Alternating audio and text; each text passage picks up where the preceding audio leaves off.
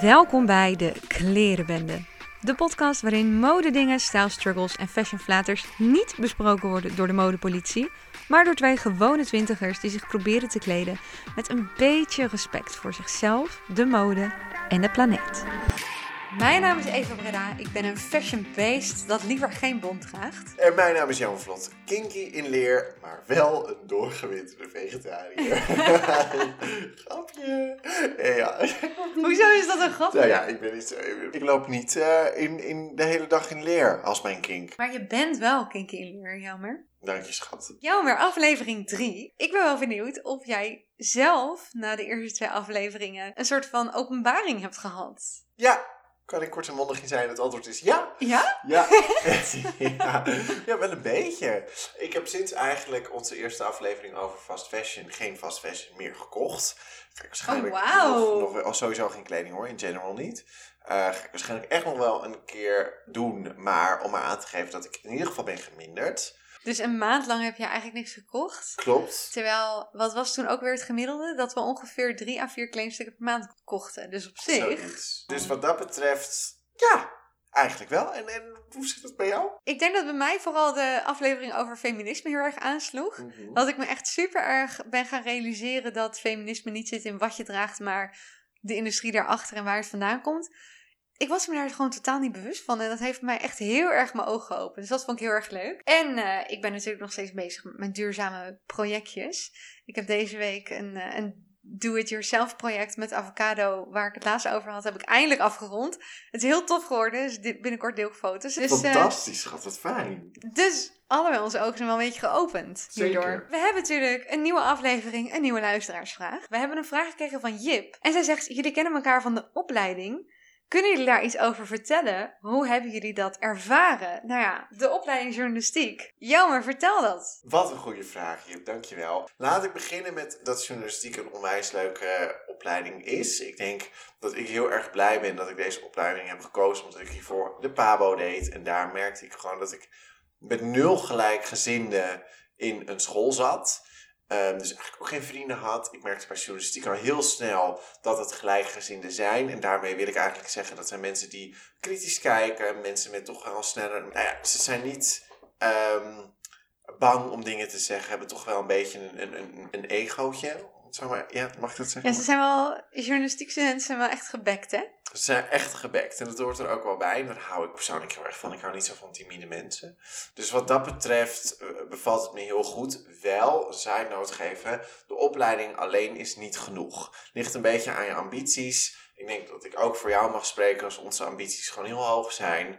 Ehm, dus dat betekent dat je school is niet genoeg. Je moet meer doen. Dus dat hebben we denk ik allebei wel een beetje aangepakt. Ja, ja, nee, ik ben het heel erg met je eens. Ik vind de studie journalistiek heel erg fijn, omdat ik was vooral echt iemand die van tekst was. En ik heb op de opleiding heel veel geleerd over video en audio, invalshoeken, research. En dat vond ik heel erg nuttig. Het is wel echt nodig om gewoon te gaan freelancen naast je studie. Wij zijn dat allebei echt gaan doen. Want uiteindelijk in de praktijk leer je het meest. En ik ben het heel erg met je eens. Ik bedoel, ik heb rechten gestudeerd aan de universiteit. Ik heb een conservatoriumopleiding gedaan, wat heel kunstzinnig was. Journalistiek mensen zijn heel erg kritisch. Eh, heel erg gebekt, maar wel heel erg ambitieus. En dat is wel een goede, ja, een goede omgeving om jezelf in te ontwikkelen, denk ik. Nou, absoluut. En dan zou ik eh, vooral zeggen, je gaat gewoon doen. En Eve, vertel ondertussen eventjes eh, wat jij aan hebt getrokken Ik heb vandaag. Sandra cowboy, cowboylaarzen aan van Leer. Ik heb een jurk aan van Mint Berry die vol zit met rood en roze hartjes. Ehm, en ik betrek daar vandaag ook eventjes mijn accessoires bij. Ik heb een tasje mee van het merk Huvisk. Ik heb geen idee hoe je het uitspreekt. H-V-I-S-K. Een soort van rood slangenleer look-achtig tasje. En ik heb een vintage zware jas mee met een soort van fluffy randje eraan. Daar kom ik nog op terug. Wat heb jij aan?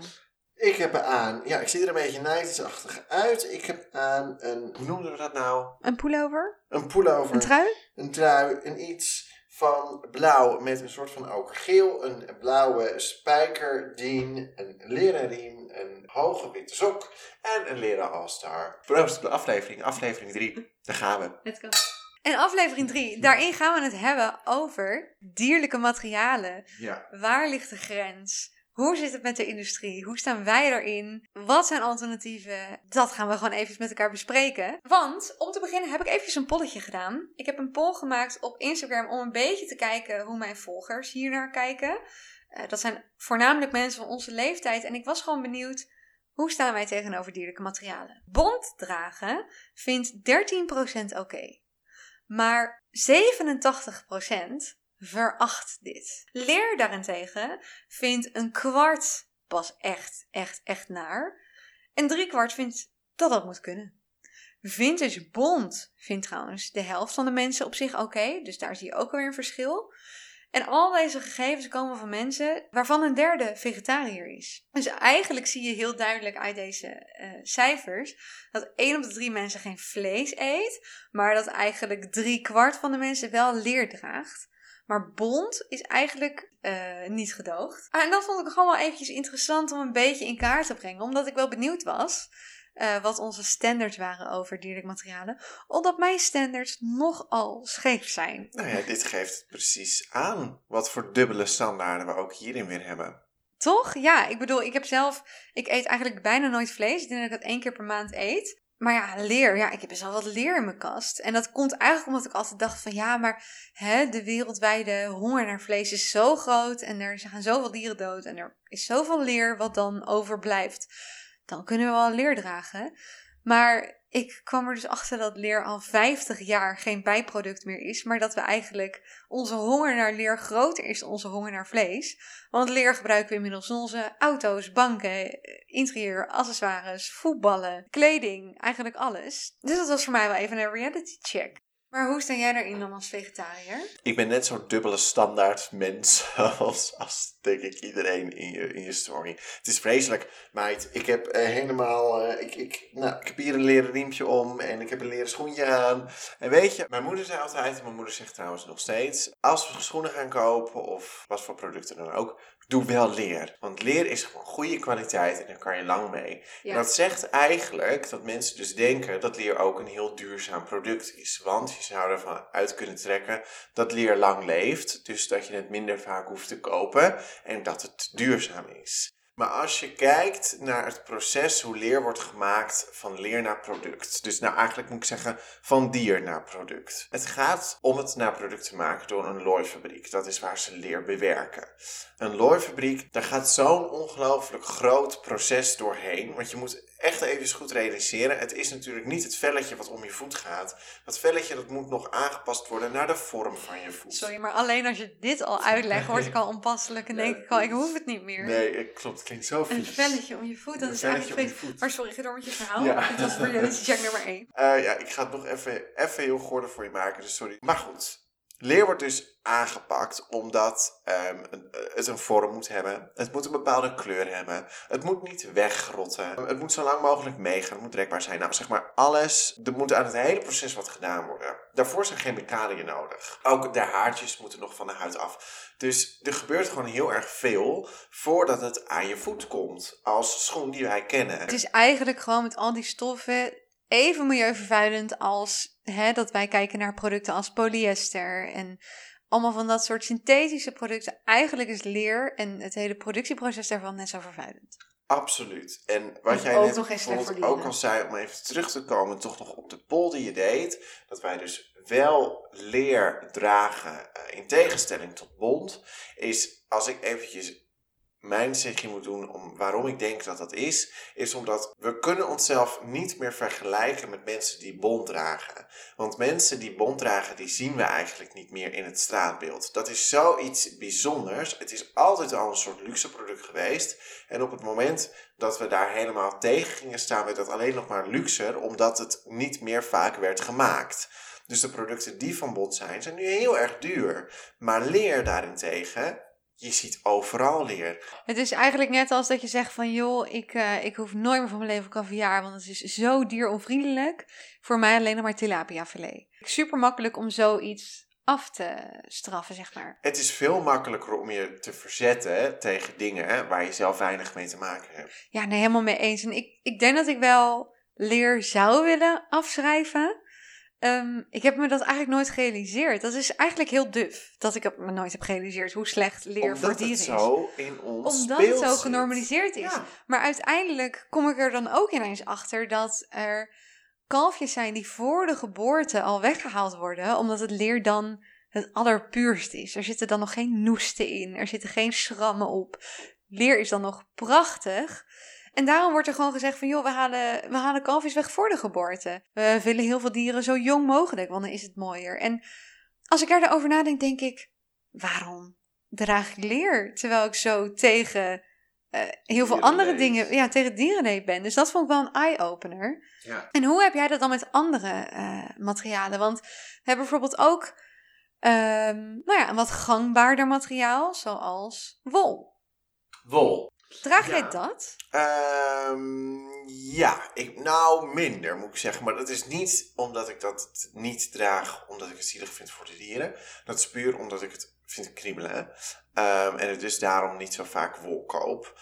Wol kan natuurlijk net zo goed eh, in voering van jassen zitten, in dekbedden zitten, net zoals dons. Zijn vaak ook isolatiematerialen. Zeker, absoluut. Dus ik denk ook dat er in mijn huis hier zal veel meer wol zijn dan dat ik me eigenlijk realiseer. Ja, ik, ik koop het eigenlijk allemaal. Eh, ik denk daar gewoon niet echt heel erg goed bij na. En je hebt dus echt verschillende manieren van wol krijgen. We hebben het Angora konijn. Het wol van Angora konijnen dat blijft maar groeien. Dus daar wordt gewoon zo zoveel mogelijk wol van geplukt en geschoren. Totdat er echt helemaal een soort van niks meer van over is. Ik moet er wel bij zeggen, H&M en CNA die hebben zich afge, afgezet van alle producten die met het Angora konijn te maken hebben. Zeg maar, ik zie dan voor me, hè, zeehondjes die worden doodgeknuppeld voor bont. En dan denk ik, ja, het scheren van een schaap of het scheren van een, een konijn of, een, of whatever. Is dat dan zo slecht? Want het groeit wel weer terug, zou je denken. Ja, Fout. Nou, althans, het groeit wel weer terug. Maar wat je bij de Angora geit ziet, eh, wat ook, waar ook heel veel van ons wol vandaan komt, is dat al die Angora geiten die worden geschoren en het wol wordt gebruikt voor producten en daarna worden zij gewoon weer teruggezet in de natuur. Mhm. Maar wat je ziet is dat het dan vaak te koud is voor die beesten. Dus die beesten die lopen gewoon hun leven en vriezen gewoon simpelweg dood. Die kunnen gewoon het niet meer aan, want ze hebben gewoon geen jas meer aan. Dus die gaan dan heel veel van die angorigheid halen het niet. Dus het groeit wel weer terug, maar ze hebben de tijd niet om het terug te laten groeien, want ze zijn daarvoor al nou ja, overleden. Ja. Ja, en verder, dan hebben we het echt over Agora wol. Daar is natuurlijk al sowieso een tijdje een beetje een taboe opgekomen. Maar ook als ik dan gewoon denk aan normale wol. 80% van de Nederlandse, eh, nou ja, wat we hier in Nederland hebben aan wol, komt van de, het merino schaap. En ik had eigenlijk altijd zoiets van, nou ja, prima toch, zo'n schaap. Het merino schaap is trouwens een van de meest eh wolproducerende schapen. Volgens mij 5 kilo aan wol per jaar. Ik had altijd zo'n gevoel van, joh, zo'n zo'n schaap die produceert sowieso heel veel wol. Waarom is het slecht om dat dan te scheren en daar iets moois van te maken, toch? Ik bedoel, Ja, maar dit geeft het ook wel heel goed aan, omdat wij natuurlijk eigenlijk uit onze goedheid denken van, nou, weet je, als een schaap geschoren wordt, is dat niet zo erg. Want in principe is dat niet zo erg. We moeten schapen scheren, want anders vallen ze om. dus dat ja, je had laatst zo'n schaap, die Ja, was, die, die ehm, was toch? Die was kwijt of die zo? was kwijt. En die had was echt zo enorm. 35 kilo aan wol om zich heen. Ja, dat was een enorm schaap. Ja, het merino schaap. Het merino schaap dat komt uit eh, Australië, veelal. En ehm, wat er met deze schapen gebeurt, is dat ze het... Ja, hoe ga, sorry, dit gaat echt niet heel fijn klinken. Wat ze doen is ze snijden delen van de huid of knippen delen van de huid bij het achterste van de schaap weg. En dit wordt gedaan om te voorkomen dat er uitwerpselen in de vacht blijven hangen, waardoor parasieten en eitjes er eieren in kunnen gaan leggen. Maar dit vind ik dus zo erg, want Ja. eigenlijk is het letterlijk gewoon besnijdenis van schapen zonder verdoving. En dit fenomeen dat wordt Oh. mulesing genoemd. De conclusie die blijft steeds uit al onze afleveringen is dat wij leven voor onszelf. Wij, wij hebben echt zoiets van, nou, wij willen dus iets van wol, dus het schaap is de dupe. Nou, ik, ik ga echt geen wol meer kopen. Ik vind dat echt zo'n naar idee. Ik had hetzelfde wat betreft zijde.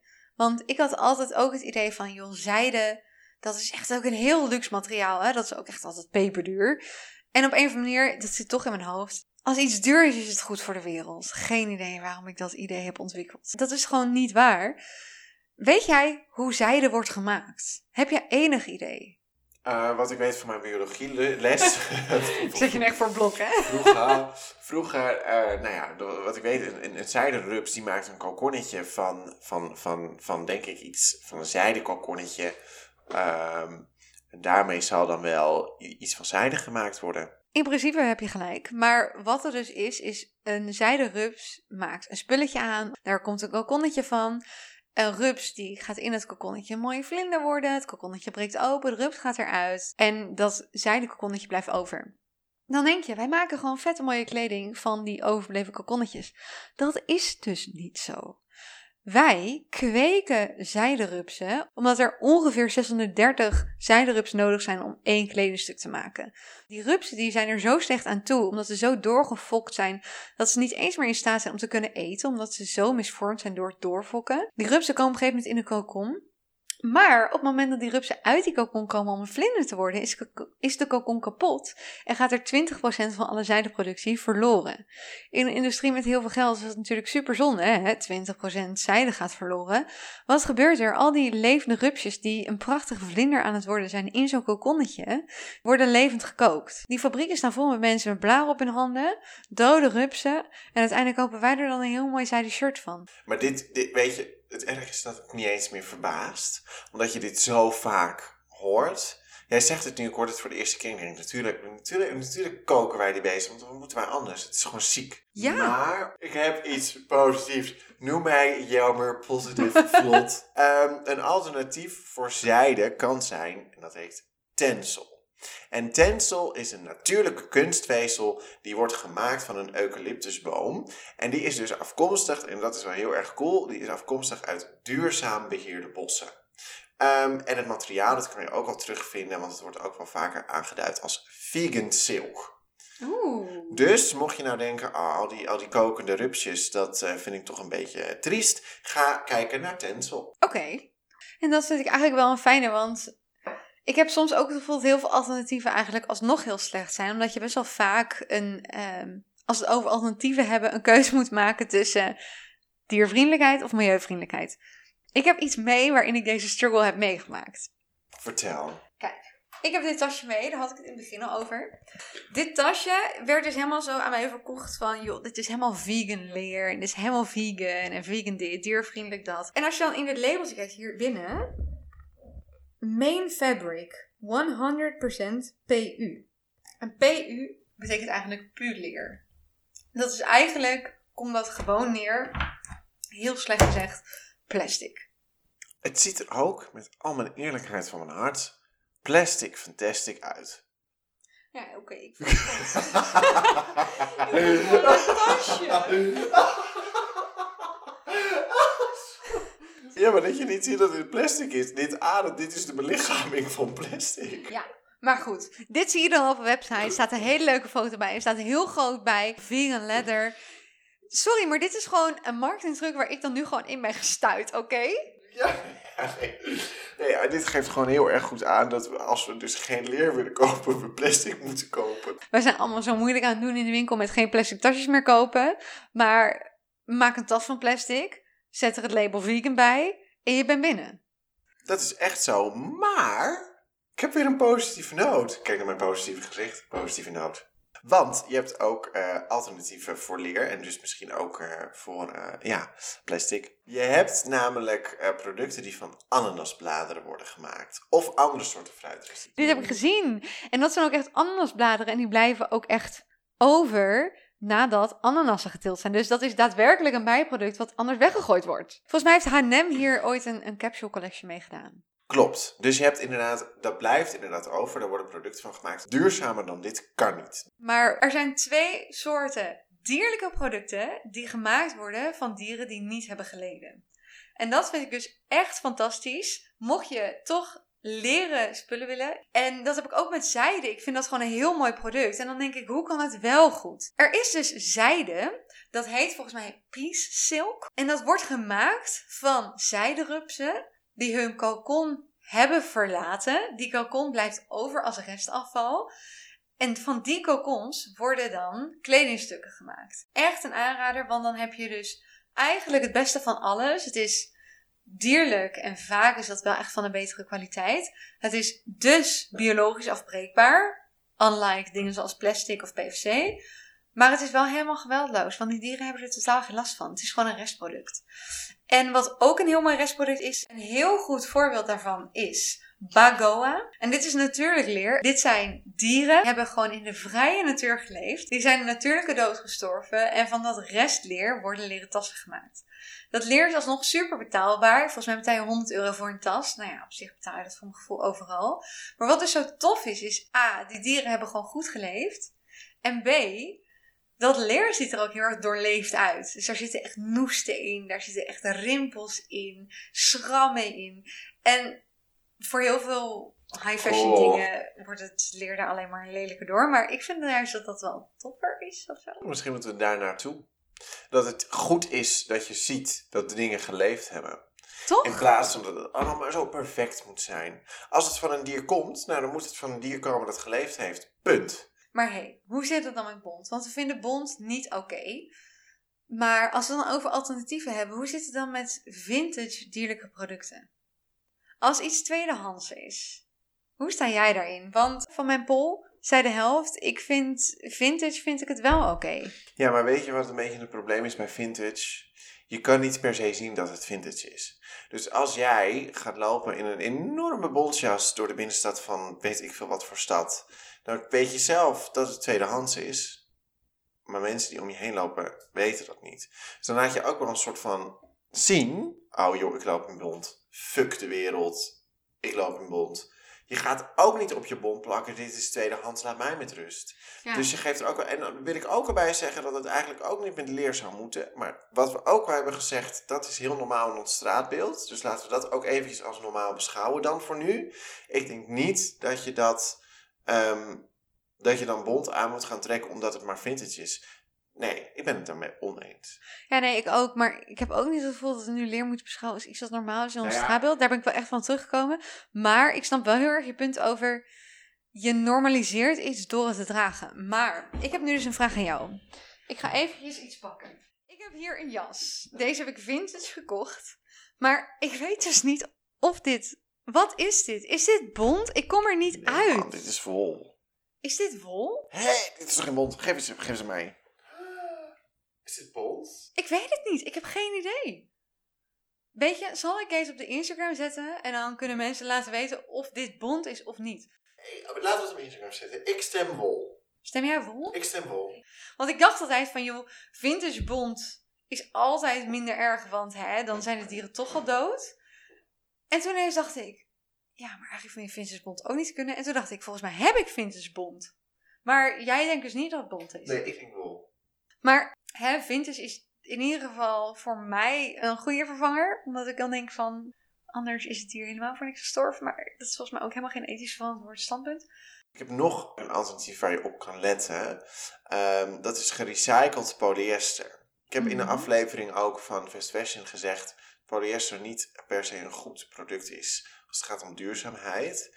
Maar ehm, als je het al gerecycled hebt, dan is het natuurlijk alsnog beter. Het is niet pure perfectie, maar it's Gucci dear. It's better than nothing, you know. We hoeven niet gelijk op 100 te beginnen. Het is ook goed als we gewoon ehm, klein beginnen en daarmee al onze voetdruk op deze planeet verminderen. Ik kwam een quote tegen die bij mij heel erg resoneerde. Die slaat heel erg aan op wat jij zegt. Doe niet niets, omdat je niet alles kunt doen. Wauw. Ik moest er echt even over nadenken. Maar toen dacht ik, Ja. En dit is wel soms wat ik heb, want ook qua vlees eten. Ik schaam me dan soms dat ik dan geen vegetariër ben.